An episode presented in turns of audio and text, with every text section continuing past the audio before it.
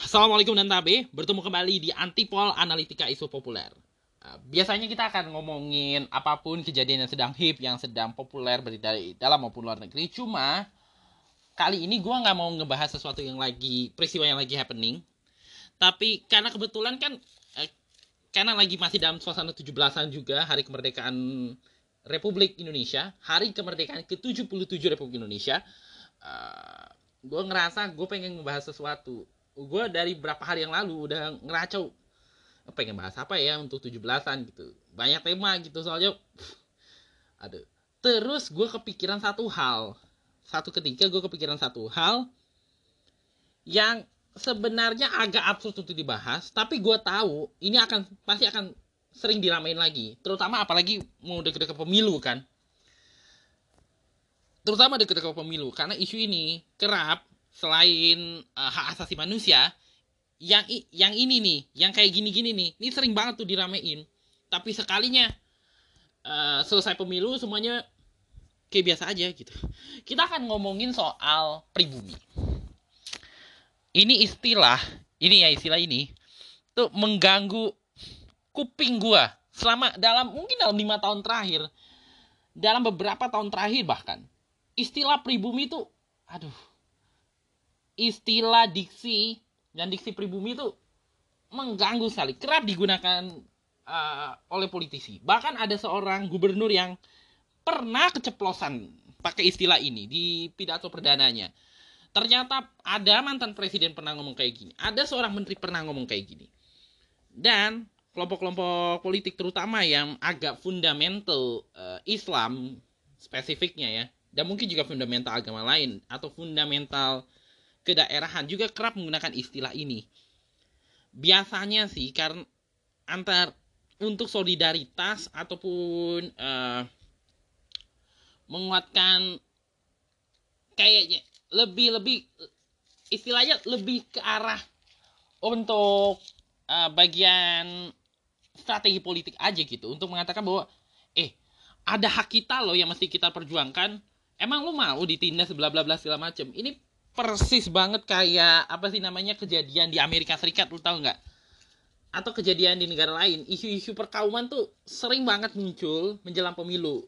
Dan kalau nggak salah eh, kebetulan sempat disinggung juga sama Pak Jokowi di pidato ke presiden kenegaraan bahwa uh, tolonglah ini pemilu 2024 uh, jangan ada lagi deh isu-isu yang apa sih berkaitan dengan perkauman, bawa-bawa sentimen agam suku, agama, ras antar golongan karena uh, selain itu tidak produktif, agak mengganggu untuk ke depannya gitu. Istilahnya kayak lo ngebantai abis-abisan demi apa sih istilah nyerang abis-abisan demi kepentingan politik dan ngerasa seakan-akan gak ada hari esok tapi selesai pemilu ketika kita ketemu lagi sama orang yang kita lawan misal apalagi itu teman kita sendiri jadinya apa istilahnya kayak kagok gitu. Itu yang terjadi sama gue dan dengan beberapa temen gue juga waktu pil waktu pilkada gue kan 2017 ini ceritanya 2017 uh, 2000 kalau 2014 sih belum ini banget ya karena gue belum punya hak pilih. Yang kerasa banget 2017 kan itu pertama kali gue punya hak pilih dan gue pertama kali terlibat dalam uh, kampanye politik. Karena memang merasa udah umur segitu ya wajar-wajar saja untuk hmm, apa sih istilahnya trolling gitu secara politik. Dan apalagi isu pilkada Jakarta cukup rame ya dengan 212 dan segala macemnya. Cuma karena sentimen yang muncul dua satu dua ikut muncul juga ikut masuk ke arena pilpres eh arena pilpres arena pilkada akhirnya jadi uh, kagok gitu. Yang uh, teman-teman gue yang uh, bisa dibilang bukan Islam ya bukan Islam yang bahkan secara domisili juga mungkin juga nggak ada yang domisili Jakarta juga jadi ikut berdiri juga gitu. Selain uh, yang lain pada ikut campur kedua sentimen uh, politik karena residu 212 ini jadi bikin riuh dan malah beberapa media ngerasa waduh ini gak bagus sih kalau sampai ke seluruh Indonesia gitu kalau berdampak ke seluruh Indonesia gitu. Karena isu Jakarta kan satu Indonesia pasti tahu kan juga ibu kota apa dan juga isu ibu kota kan sering di framing oleh politisi nasional di sini untuk kepentingan nasional. Ya karena Jawa adalah kunci gitu kan. Salah satu yang digunakan framingnya itu adalah istilah pribumi. Ada satu aksi aksi politik uh, aksi ini akhirnya menimbulkan keramaian. Uh, masih ada kaitannya dengan 212 ada spanduk tulisannya apa sih istilahnya solidaritas atau selamatkan pribumi gitu. Jadi kan konteksnya ada kasus penodaan agama yang sebenarnya ya memang murni pun ada kemungkinan lebih kepada komunika mencoba mengkomunikasikan sesuatu tapi dengan mungkin perspektifnya keliru gitu. Ya mungkin karena dianya agak tersulut dengan politisasi agama yang dilakukan gue bisa bilang sih politisasi identitas gitu ya. Memainkan sentimen perkauman gitu oleh beberapa pihak. Uh, terusnya apa sih namanya hmm, framingnya jadi berubah kayak mulai menyusup lah. Yang awalnya cuma untuk meminta penanganan karena kan undang-undang yang berkaitan dengan masa penodaan agama masih ada di KUHP kan sampai sekarang. Hukum Indonesia nya masih masih memungkinkan adanya pidana seperti itu. Tapi uh, jadinya ke mana-mana gitu. Bahkan akhirnya memunculkan sentimen-sentimen yang malah membuat apa sih namanya seakan-akan mereka mau mencoba menguasai kelompok, semua orang yang ada di Indonesia gitu. Sehingga muncullah ke kuartiran yang sedemikian. Lantas eh, mereka-mereka kan masih menganggap uh, apa sih antar mungkin karena politik di masa lalu dan merasa politik di masa lalu lebih baik makanya mereka merasa kayaknya senti kayaknya kita harus mem, apa sih namanya menyatukan semua kelompok deh. Bo kita ini pribumi dan nggak bisa dihina begitu aja. Karena kan uh, abis kejadian itu kan juga akhirnya muncul lagi uh, berbagai kejadian yang membukti mencoba digunakan oleh pihak-pihak ini untuk menguatkan gerakan mereka. Kayak ada video gue nih taunya karena gue lagi ngeprint bar barang atau file gitu ada video orang Tionghoa apa sih maki-maki pak karyawannya yang notabene orang lokal. Sebenarnya kan fenomena orang lokal eh, kerja di toko-toko Tionghoa itu kan bukan sesuatu yang baru ya dari dulu bahkan. Kecuali entahlah kalau 98 gue nggak tahu. Uh, tapi yang jelas ini akhirnya membuat framing seakan-akan orang-orang non ini cuma numpang doang tapi dan kelakuannya kayak raja. Dan gak memberi peluang uh, kepada orang-orang lokal untuk apa sih istilahnya namanya untuk juga ber apa sih punya dominasi juga. Ya walaupun mereka sebenarnya sama-sama yang gue curiga lebih karena uh, persaingan gitu ya persaingan bisnis ke, seperti orang Tionghoa saingan dengan orang kalau orang Betawi sih nggak terlalu masalah ya dengan orang Tionghoa dengan orang Makassar segala macam tapi gue mulai sadar bahwa ini nih bukan sesuatu yang apa sih istilahnya kalau lu baca-baca soal sejarah tentang apa sih namanya sentimen yang kita kenal dengan sentimen pribumi dan non pribumi ini ternyata ada sejarahnya juga ternyata ada kaitan dengan sejarah juga gue baru sadar setelah itu. Dan uh, gue kayaknya akan merujuk pada sebuah artikel daripada IDN Times. Ini artikelnya tahun gue nggak tahu ini kayaknya udah lama deh. Ini artikel tahun 2000 ah 2019 26 November. Uh, artikelnya ini siapa pribumi asli Indonesia yang sebenarnya sejarah telah menjawab. Uh, yang mana sudah digambarkan lebih dari 50 ribu tahun yang lalu. Wow. Berarti jauh sebelum apa sih namanya sebelum Indonesia ada yang nulis Bayu Wicaksono menjawab perdebatan yang menimbulkan perpecahan di dunia maya tentang pribumi Indonesia kita akan membahas sedikit mengenal mengenai sejarah bangsa Indonesia. Bangsa kolonial meninggalkan banyak sekali hal dan peradaban kita, mulai dari bangunan dan benda-benda kuno, kurikulum sampai warung Tegal yang bisa kamu jumpai di mana-mana. Wow. Ternyata warteg itu peninggalan kolonial, gokil. Ternyata ada satu di antara itu ada satu peninggalan kolonial dalam bentuk pemahaman yang ternyata masih melekat di Indo, di masyarakat kita sampai sekarang yaitu konsep pribumi dalam tanda kutip.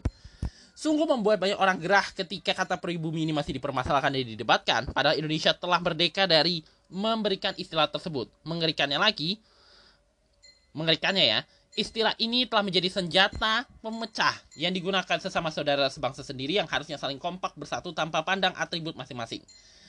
Ini semakin diperparah dengan meluasnya literasi digital yang tidak diikuti literasi moral, empati, dan toleransi yang kita bisa katakan uh, pengajaran uh, etika sosial dan segala macamnya ya uh, tentang makna pribumi tersebut. Bila ditelah secara bahasa, kata pribumi berdasarkan KBBI atau Kamus Besar Bahasa Indonesia adalah penghuni asli yang berasal dari tempat yang bersangkutan. Tentu ini menjadi pertanyaan, siapakah pribumi bangsa Indonesia yang sebenarnya? Secara sejarah, uh, secara sejarah ini mencoba dibahas lah gitu kurang lebihnya yang dimengerti secara kilat kaum pribumi atau orang asli Indonesia dalam pandangan masyarakat adalah suku seperti Jawa, Batak, Minangkabau, Bali, Dayak, Papua, dan masih banyak suku lainnya yang telah kita pelajari dari SD, termasuk di dalamnya baju adat, lagu daerah, dan atribut lainnya. Sementara itu, orang-orang keturunan Arab, Tionghoa, India yang cukup banyak ditemukan di Indonesia masih sering dianggap dalam tanda kutip asing atau pendatang. Padahal mereka bukan sekedar lahir dan besar di Indonesia, melainkan juga memegang budaya dan menggunakan bahasa Indonesia. Orang-orang seperti siapa ya? Arab gue nggak tahu. Ya nama-nama Tionghoa atau orang-orang India seperti Punjabi, Soraya, dia pendatang. An aneh. Padahal banyak karyanya mereka di Indonesia. Uh, anggapan yang nampaknya sepele ini ternyata mampu menimbulkan diskriminasi dan kecemburuan sosial yang disangkut pautkan banyak hal, terutama politik. Nah, menurut Ibu Herawati Sudoyo selaku Deputi Bidang Penelitian Fundamental Lembaga uh, Biologi Molekuler atau yang sekarang jadi apa sih namanya? Angie Aikman ini ya, lembaga LBM Aikman yang sekarang jadi bagian dari BRIN. Uh, dikutip dari wawancara dengan Tempo, pribumi ini orang yang menghuni satu kawasan sejak lama, sementara penduduk yang saat ini mendiami Indonesia berasal dari beberapa titik migrasi sehingga bisa disimpulkan semua kita ini bersaudara dan gak ada darah yang murni sebenarnya uh, tapi gue udah baca artikel panjangnya sih yang mana ini seperti yang ditulis di awal itu sebenarnya udah dari 50 ribu tahun yang lalu gitu bahwa penduduk Indonesia tuh aslinya adalah uh, manusia modern manusia modern baru yang mas yang muncul di masa Pleistocene yaitu kelompok Melanesia dan Austronesia. Uh, Melanesia ini berasal dari Afrika uh, yang menan menandakan bahwa sebenarnya hampir gak ada satupun dari kita saat ini yang merupakan pribumi sejak awal kecuali campuran dan gennya telah berkembang. Uh, kalau Melanesia kebanyakan orang Afrika, uh, orang Austronesia itu dari Formosa. Formosa ini yang kita kenal dengan Taiwan. Uh, mereka ada di bagian barat dan timur Nusantara. Uh, terusnya yang ini masuk lewat mana ya? Si Melanesia dan Austronesia. Yang jelas dua-duanya ini masuk dari timur dan barat Nusantara gitu, melalui berbagai jalur. Ya, namanya orang purba kan mereka pasti ada apa sih namanya bermigrasi dan sebagainya. Nah, di beberapa waktu kemudian kan Indonesia kemudian jadi kerajaan-kerajaan dengan pengaruh apa sih namanya kerajaan Hindu Buddha, terus kerajaan Islam dan masuknya apa sih namanya pedagang-pedagang dari uh, dari China, India, dari apa sih namanya dari Arab juga termasuk di dalamnya. Ini menyebabkan apa sih akhirnya terjadi perbauran budaya. Lu pernah dengar istilah ini gak sih? Multikultural multikulturalisme. Pasti sering dengar ya. Uh, ketika dan kebanyakan ini terjadi karena pernikahan. Karena pernikahan kayak dalam sejarah Sriwijaya konon orang-orang Palembang itu kan gak semuanya uh, tampang-tampangnya ya tampang lokal aja gitu. Terus banyak orang China masuk kan ke Sriwijaya dan konon ceritanya orang-orang ini dinikahkan. Sehingga kebanyakan orang Palembang sekarang mukanya kayak kayak Chinese banget. Padahal ya Palembang gitu lokal aja gitu. Termasuk salah satu temen gue gue nggak tahu kalau gue sendiri gue nggak ngerasa ya tadi seperti gue cerita gue orang Sunda. Ada keturunan Sunda ada turunan Banten ada turunan Makassar segala macam lucunya adalah masih banyak orang menganggap gue Tionghoa. Memang gue ada keturunan Tionghoa tapi gue nggak ngerasa Tionghoa Tionghoa amat. Hanya karena muka gue putih dan talah dan gue jadi inget berapa minggu yang lalu itu ada uh, kayak tetangga gitu. Bukan tetangga ya gue kan punya kebiasaan suka ngumpul-ngumpulin botol bekas segala macam sekarang kan. Karena ya lu tahu sendiri. Terus gue ngumpulin sama orang ada satu orang nih. Nah satu ketika lagi ngambil mau mau ngambil apa sih kayak nagih duit gitu. Terus dia bilang mas eh muka mukanya kelihatan kayak Cina ya gitu.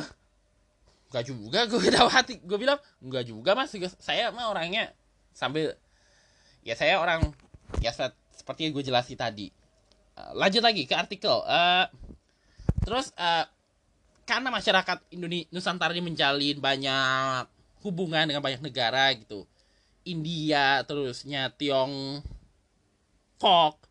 terusnya juga dengan masyarakat Arab gitu ya termasuk perlayaran bersejarahnya Laksamana Cheng Ho ini membuat uh, apa sih namanya multikulturalisasi apa sih namanya pembauran budaya tuh jadi percampuran antar budaya tuh men, akhirnya terjadi di seluruh Nusantara gitu. Termasuk juga ketika Wali Songo menyebarkan agama Islam di Jawa. Uh, terusnya sehingga orang-orang apa sih bisa bilang orang-orang asing ini udah udah jadi dengan orang lokal tuh udah terbiasa udah apa istilahnya sudah berbaur dan menciptakan generasi baru yang dikenal dengan Nusantara Nah, tapi terus sudah gitu, akhirnya Belanda Eropa datang kan karena mereka tujuannya adalah untuk mencari rempah-rempah kita gitu yang kemudian menjadi bermulanya era, era kolonialisme dan perlawanan secara besar-besaran yang dilakukan banyak kerajaan, banyak orang. Muncul insiden si Sultan Agung yang mau menyerbu Batavia, geger pecinan dan segala macamnya. Karena perlawanan dan pemberontakan yang berlangsung termasuk juga mungkin Padri juga mungkin termasuk di dalamnya. Akhirnya Belanda yang sempat mengalami kegagalan di era VOC kemudian membuat sebuah aturan. Aturan ini kemudiannya mengkotak-kotakan masyarakat ke dalam apa sih namanya kelompok-kelompok tertentu gitu kurang lebihnya. Dengan tujuan uh, untuk membuat kekuatan masyarakat Nusantara Timur lemah. Eh, secara sejarah uh, orang Eropa tuh menempatkan dirinya jadi paling atas gitu secara kehormatan kedudukan. Orang timur kayak Arab Tionghoa dan India digolongkan orang timur orang Eropa atas yang tengah orang-orang Arab Tionghoa India yang mereka sebut pribumi yaitu penduduk lokal itu ditempatkan di posisi paling bawah. Tujuannya adalah ya memecah belah gitu istilahnya. Apa sih mengkotak-kotakan penduduk berdasarkan suku agama dan segala macamnya? Jadi kita bisa menyimpulkan BBB pecahan ini memang diciptakan sama kolonial. Untuk apa sih istilahnya mereka bisa lebih leluasa untuk apa sih istilahnya mengeruk sebanyak mungkin kekayaan Indonesia untuk dibawa ke luar negeri. Makanya ada yang nama akhirnya orang-orang ini dipecah belah kemudian mereka banyak orang lokal yang diperas gitu dengan apa yang kita kenal dengan namanya kerja paksa kalau tidak salah istilahnya gue nggak tahu istilah ininya apa. Kalau Jepang kan romusa ya istilahnya. Nah kesadaran bahwa orang-orang ini di kota-kotakan ini mulai muncul. Apa sih namanya? Mulai muncul kesadaran bahwa hal yang kayak gini nih nggak bisa dibiarkan gitu istilahnya. Para pendiri bangsa menyadari hal ini. Termasuk kemudian yang kayak uh, apa sih namanya kayak Budi Utomo kemudian muncul kemudian Kartini muncul. Uh, kemudiannya kayak siapa tuh namanya Dois Dekker Ki Hajar Dewantara dan Cipto Mangkusumo kemudian uh, melakukan perlawanan juga karena merasa politik yang dilakukan Belanda ini udah keterlaluan gitu. Belakangan Soekarno juga melakukan. Uh, suka gue nggak tahu ini ada kaitan dengan Sumpah Pemuda atau enggak tapi Bung Karno itu pernah satu ketika uh, dia mau rapat gitu terus kebanyakan yang pada rapat itu kan pakaiannya ya karena politik kolonial juga jadinya harus sesuai dengan pakaian pakaian keadatan lah gitu. Dia memilih ketika berpidato dia memilih untuk menggunakan peci. Karena menurut dia peci itu bisa menjadi alat pemersatu gitu. Kita kan sering mungkin sampai sekarang ya kita semua kalau ngelihat peci itu mengidentikannya dengan agama atau kelompok tertentu. Padahal songkok atau peci itu udah jadi identitas Nusantara udah bukan lagi identitas agama lagi gitu. Awalnya ragu tapi kemudian dia berpikir ini pernah dibahas juga di satu video apa gitu. Gue nggak tahu ngutip dari mana sejarahnya tapi kayaknya pernah dibahas gitu di buku sejarah. Kalau mau jadi penggak apa sih namanya?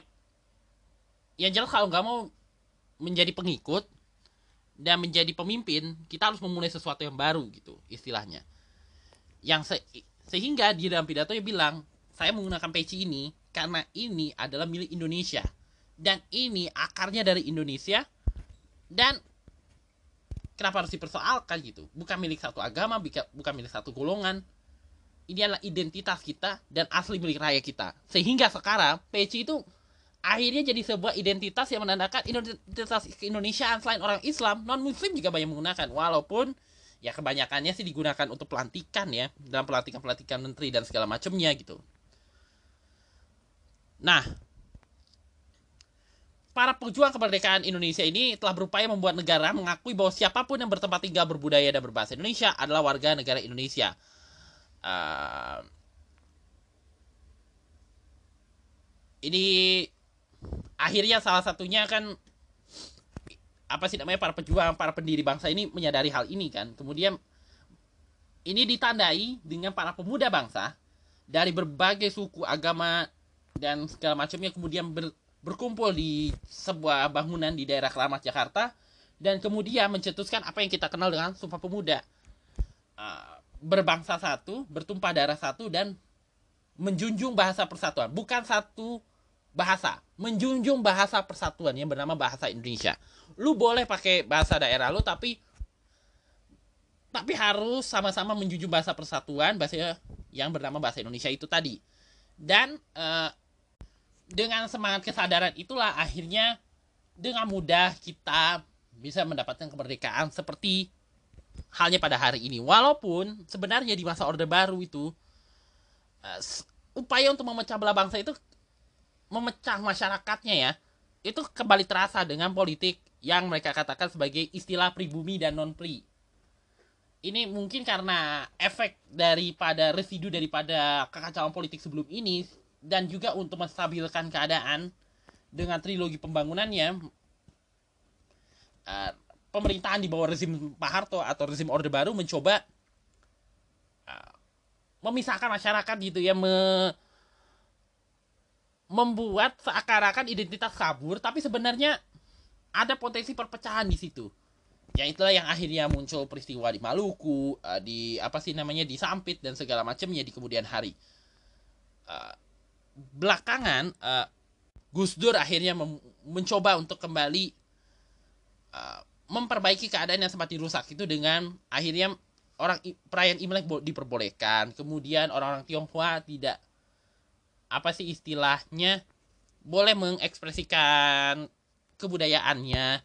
Kemudian di kemudian hari juga lahir undang-undang kewarganegaraan, undang-undang penghapusan diskriminasi antar etnis yang membuat istilah pribumi jadi dilarang.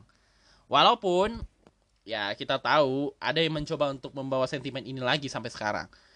Dan sebenarnya menurut gua menurut gua ya uh, sentimen pribumi ini agak aneh agak aneh dan cenderung apa sih namanya uh, cenderung agnostik. Karena kalau kita baca dari artikel tadi kelihatan jelas bahwa ya kita nggak ada satupun di antara kita. Mungkin ya kecuali yang nikahnya sesama uh, suku. Tapi juga kalau sesama suku pun mungkin juga buyut-buyutnya juga bukan uh, keturunan yang apa sih namanya puritan gitu. Puritan gak ada darah murni. Dari kampung halamannya pasti ada campuran dari Arab ada campuran dari apa sih namanya dari India dari Tionghoa. Udah gak ada darah murni. Walaupun udah menikah sesama pun juga atau berbeda budaya pun gak ada darah murni pada akhirnya. Karena apa sih namanya ber ah ini baru nemu istilahnya setelah sekarang. Alkulturasi gitu. Udah bercampur baur gitu. Bahkan ada yang secara terbuka bilang gue bahkan nggak nggak merasa orang tertentu tertentu kami kami merasa sebagai orang Indonesia aja gitu. Dan gue setuju. Hari ini tuh yang ada adalah kebanyakan dari kita nih ya sebagai orang Indonesia aja ya betul memang mungkin darah paling kuat itu memang dari ayah gitu selalu itu dan sejarahnya pun selalu seperti itu gitu. Ada yang kuat apa sih namanya memang kalau mengikut darah ya harus dari ayah kan. Memang minimalnya ayah gitu secara keadatan gitu. Kayak uh, apa sih istilahnya? Kayak kakak sepupu gue deh dia nikah sama orang Aceh. Secara otomatis anaknya itu ya orang Aceh gitu. Eh, secara darah dari bapaknya memang Aceh eh, darah Aceh bukan darah Jawa. Ya lantas si bapaknya juga berhak untuk menggunakan istilah yang ada di daerahnya untuk si nama si anak ini gitu ya walaupun harus tetap dengan persetujuan si uh, istri gitu ya. Notabene kakak saudara gue sendiri. Belakangan memang nggak dipakai kan. Yang menunjukkan bahwa kita semua pada akhirnya nggak ada darah asli pada akhirnya. Ya memang ada yang mencoba untuk menunjukkan kebanggaan atau pride terhadap uh, suku asalnya. Tapi pada akhirnya tidak bisa mengaburkan fakta bahwa lah oke okay lah lu punya orang tua dari suku ini tapi kan dia nikahnya juga mungkin dengan suku lain juga jadi lu agnostik gitu pada akhirnya gitu dan sebenarnya kita nih egaliter bangsa yang egaliter, sangat heterogen, makanya keterbukaan bisa terjadi mana-mana. Makanya banyak orang non muslim bisa uh, ada di kampus eksklusif yang kelihatan eksklusif. Kalau sekolah negeri kan udah jelas semua golongan bisa masuk kan. Tapi karena heterogennya Indonesia dan tolerannya Indonesia yang tidak terlalu memikirkan uh, sentimen-sentimen apa pun, lebih mudah orang-orang ini untuk masuk gitu. Memang harus diakui ada percobaan untuk arah itu tapi pada akhirnya kita harus sadar uh, bahwa ya cara ini ya kelihatan kuno pada akhirnya. Kalau lu misalnya ke tempat hiburan atau ke konser konser musik lu coba deh datang ke tempat-tempat itu.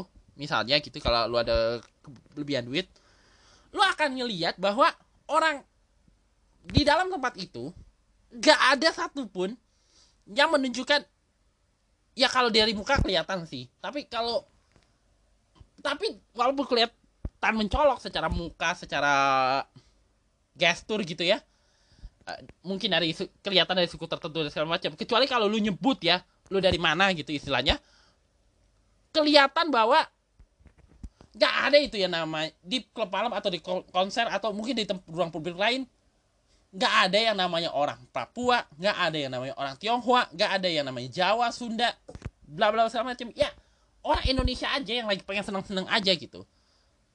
Eh, di rumah ibadah mungkin juga hal yang sama tapi mungkin karena ya gue gak tahu juga sih. Gue juga takut salah ngomong juga. Tapi yang gue mau bilang adalah uh, hari ini tuh uh, yang kayak gini-gini tuh udah apa sih namanya bukan zamannya lagi lah kita mengelompokkan masyarakat berdasarkan uh, lu Cina atau lu Tionghoa gitu atau lu ini segala macam segala macam. Ya gue mungkin kalau dilihat dari tampaknya kelihatan kayak Tionghoa. Padahal enggak juga gitu. Uh, makanya gue tuh masih merasa risih ke, dengan uh, cara pengajaran di sekolah di pendidikan yang masih bermain-main dengan uh, perkauman. Dengan cedok ya tapi ini kan bagian dari pengajaran agama. Tapi lu ngomong di luar konteks pada akhirnya. Gue pernah ngeluh sama bokap gue soal kayak gini. Terus bokap gue bilang ya gimana? gitu bokap gue kan sebelumnya juga berkeyakinan lain belakang. Yang kemudian kemudian karena pernikahan kemudian masuk keyakinan nyokap gue sampai sekarang. Uh, dan pikiran memang harus diakui bahwa pikiran segregatif ini masih berkembang sampai sekarang. Bahkan selalu ada orang-orang ini di dunia politik di uh, apa sih namanya di pentas-pentas yang besar gitu ya. Orang-orang ini selalu akan ada dan selalu mencoba untuk uh, membela dengan tujuan untuk bahwa kami ini perlu diselamatkan dari kehancuran segala macam daripada ditindas dan segala macam gitu kurang lebihnya. Uh, sentimen ini sebenarnya bukan sesuatu yang eksklusif punya Indonesia aja bahkan di negara lain pun juga terjadi di India terjadi di apa sih namanya di uh, Malaysia juga.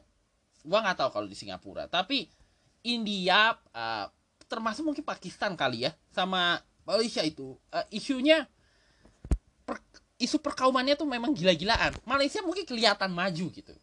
Bahkan banyak tapi kemajuannya itu bisa bikin kita terkecoh bahwa sebenarnya di dalam negaranya sendiri pun ada problem tentang perkauman. Bahkan ada dalam perundangannya. Katanya, ya tapi itu kan demi untuk menjaga kemurnian kerajaan segala macam. Tetapi, ya lu masih tahu bahwa pengelompokan itu masih terjadi di negara lo gitu istilahnya gitu. Dan siapa pun yang mencoba untuk menghapusnya pasti disingkirkan secara diam-diam dari politik gitu.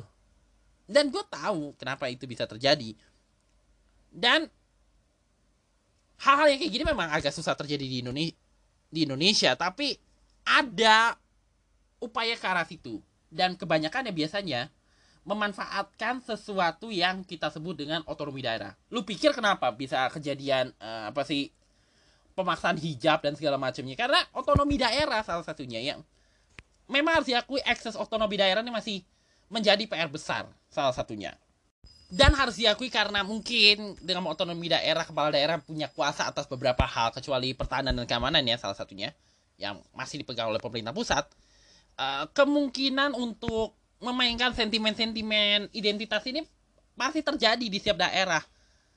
Apalagi kan kepala daerah punya kuasa terhadap sekolah negeri dan segala macam ya makanya sering kejadian kayak gini. Ini salah satu contoh nyata ketika uh, sentimen-sentimen dan bukan mustahil juga sentimen pribumi non pribumi juga kelihatan di terjadi juga karena peraturan ini. Eh, kalau Yogyakarta memang harus diakui rada susah untuk menelaahnya karena mungkin karena budaya karena peraturan negara juga mengakui hal tersebut masalahnya juga uh, tapi gue tahu bahwa tapi intinya adalah hal-hal yang kayak gini nih mestinya tidak terjadi. Permainan sentimen pribumi dan non pribumi ini harusnya udah nggak terjadi karena ya pertama-tama istilah pribumi udah sudah tidak bisa dipakai lagi. Kedua adalah istilah ini cenderung lebih digunakan untuk apa sih namanya untuk orang-orang tertentu untuk meromantisasi masa lalu seakan-akan bahwa pribumi apa sih namanya persatuan pribumi, solidaritas pribumi itu adalah bagian dari kesabilan negara. Padahal itu salah satu bibit perpecahan juga gitu. Makanya gue tuh nggak setuju kalau ada sesuatu atau pelembagaan yang untuk kepentingan umum menggunakan istilah pribumi. Kayak ini yang paling nyata sekali terjadi. Dulu ada acara televisi yang spesifik nyebut pribumi. Namanya Ajang Musik dua Pribumi 20. Program musik. Uh, kayak musik-musik tapi mau menyebutkan musisi asli Indonesia tapi pakai istilah pribumi ya mungkin karena faktor pemilik stasiun TV-nya kan agak ini ya terhadap karyawan bukan lokal gitu ya. Dan do you know ampu itu tayang di TV mana pada zamannya kan? Pada zaman awalnya gitu maksud gua uh, Maktan itu jelas lah menyebut pribumi. Dan kelihatan kalau untuk zaman sekarang kalau dengar istilah itu kayak apaan sih lo aneh bener dah gitu gua nggak setu gua seperti banyak orang juga nggak setuju dengan istilah pribumi. Gua lebih setuju istilah putra putri Indonesia. Makanya gua kepikiran harusnya uh, istilah aja musik putra putri uh, Indonesia yang lebih cocok gitulah gitu ya kurang lebihnya. Istilah ajang musik pribumi 20 gua nggak setuju. Tapi kalau istilahnya kita ganti dengan istilah orang Indonesia atau putra putri Indonesia, oke. Okay. it's a it's oke okay lah gitu bonafit lah gitu dan gue lebih setuju kalau kita mau menyebut sesuatu menyebut suatu merek itu dengan istilah bahwa orang Indonesia atau putra putri Indonesia saat kita menyebutkan tentang uh, masalah masalah dalam Indonesia. Dan kalau lu pikir kalau lu sadar sekarang ini kebanyakan perjuangan-perjuangan politik yang ada itu perjuangannya adalah untuk keadilan sosial. Nggak lagi bermain perkauman. Terutama teman-teman yang pada demo kayak yang kemarin kas. Uh, demo sebelah sempat terus demo omnibus law. Itu kebanyakan memperjuangkannya adalah untuk ya kepentingan rakyat Indonesia putra putri Indonesia gitu. Orang Indonesia. Karena problemnya juga dirasakan orang Indonesia walaupun untuk omnibus law gue kayak begitu ini banget. Agak setuju tapi juga agak kurang setuju juga sebenarnya kalau secara politik. Uh, tapi yang gue mau bilang adalah sekarang pergerakan hari ini tuh udah nggak lagi bermain-main sentimen. Dan banyak banget ekspresi untuk menyatakan bahwa kita ini semua sama loh. Itu terjadi. Walaupun ya gue akui juga kadang-kadang juga agak main-mainannya agak suka menghardik juga yang harus ya tidak terjadi. Tapi yang gue mau bilang adalah hal-hal yang kayak gini tuh masih dikedepankan sehingga sehingga masalah Eh, sentimen-sentimen ini perlahan dihilangkan. Memang harus diakui sentimen ini datang dari kelompok boomers yang memang rindu dengan ada nostalgia terhadap masa lalu gitu ya. Tapi seperti yang dibilang gitu ya, uh, di akhir artikelnya IDN Times mengingat bahwa semua yang tinggal berbudaya dan berbahasa Indonesia adalah warga negara Indonesia, maka udah gak zaman lagi kita mempermasalahkan pribumi dan non pribumi. Karena gak ada satupun di antara kita yang merupakan penghuni asli atau darah murni sejak awal Nusantara ada. Jadi jangan lagi berpikiran kuno uh, atau primitif seperti itu lagi tanpa perlu mengadakan ya berpikir primitif bahwa kita ini beda gitu istilahnya tanpa perlu mengadakan sumpah pemuda lagi, mari kita bersama berjuang mengharamkan nama Indonesia, nggak peduli siapa pun kita dan apa pun latar belakang kita. Hidup Indonesia. Nah, jadi ya perspektif ini cukup menarik karena ya tanpa harus sumpah pemuda pun sebenarnya secara faktual kita ya udah udah berakulturasi sejak dulu tapi kan karena memang tapi gue bisa memahami kenapa sumpah pemuda ada karena perlu ada perjuangan bersama karena kesamaan nasib dan kesamaan untuk apa sih namanya bahwa kolonialisme itu mesti diakhiri makanya sumpah pemuda ada. Supaya mengingatkan bahwa hey kita ini semua udah dipecah belah loh. Dan lu nggak sadar soal ini. Dan karena itu kita mesti bersatu lagi agar lebih mudah kita untuk memperjuangkan kemerdekaan Indonesia.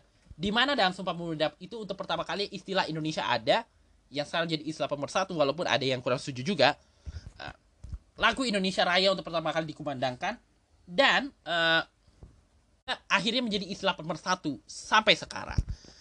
Dan dalam momentum 17-an kali ini gitu ya gue sebagaimana uh, yang dikatakan sama si ini ya sebenarnya kesimpulannya udah udah kelihatan ya. Udah bukan waktunya lagi lah kita bermain-main bahwa gue asli bu lu enggak gitu. Ya kita, karena kita adalah Indonesia pada akhirnya. Indonesia adalah negeri kita bersama yang har yang apa sih namanya semua kemajuannya kita perjuangkan bersama-sama. Dan memang kalau dipikir-pikir juga isu pribumi itu udah nggak zaman lagi lah di dipersoalin karena ada masalah besar dari bangsa ini yang lebih urgent untuk kita selesai seperti prim, uh, ketimpangan yang masih terjadi ketimpangan sosial masih terjadi korupsi apalagi uh, ketertinggalan dalam uh, digital segala macam uh, ma kemonotonan birokrasi yang menghambat kemajuan itu jauh lebih utama daripada meributkan sentimen agama dan sebagainya. Apalagi perkauman. Jadi persatuan jadi penting ketika kita ingin Indonesia jadi maju sejahtera aman adil dan makmur seperti yang digariskan oleh para pendiri bangsa kita. Itu aja perspektif gue untuk episode ini apa ya berbagi perspektif lah untuk episode kali ini Dan dirgahayu Republik Indonesia, semoga negeri ini terus uh, bersatu, terus maju untuk uh, pulih lebih cepat, untuk menjadi pulih lebih cepat dan bangkit menjadi lebih kuat. Dirgahayu Indonesia merdeka dan kita bertemu kembali di episode berikutnya Siniar Antipol Analitika is Populer.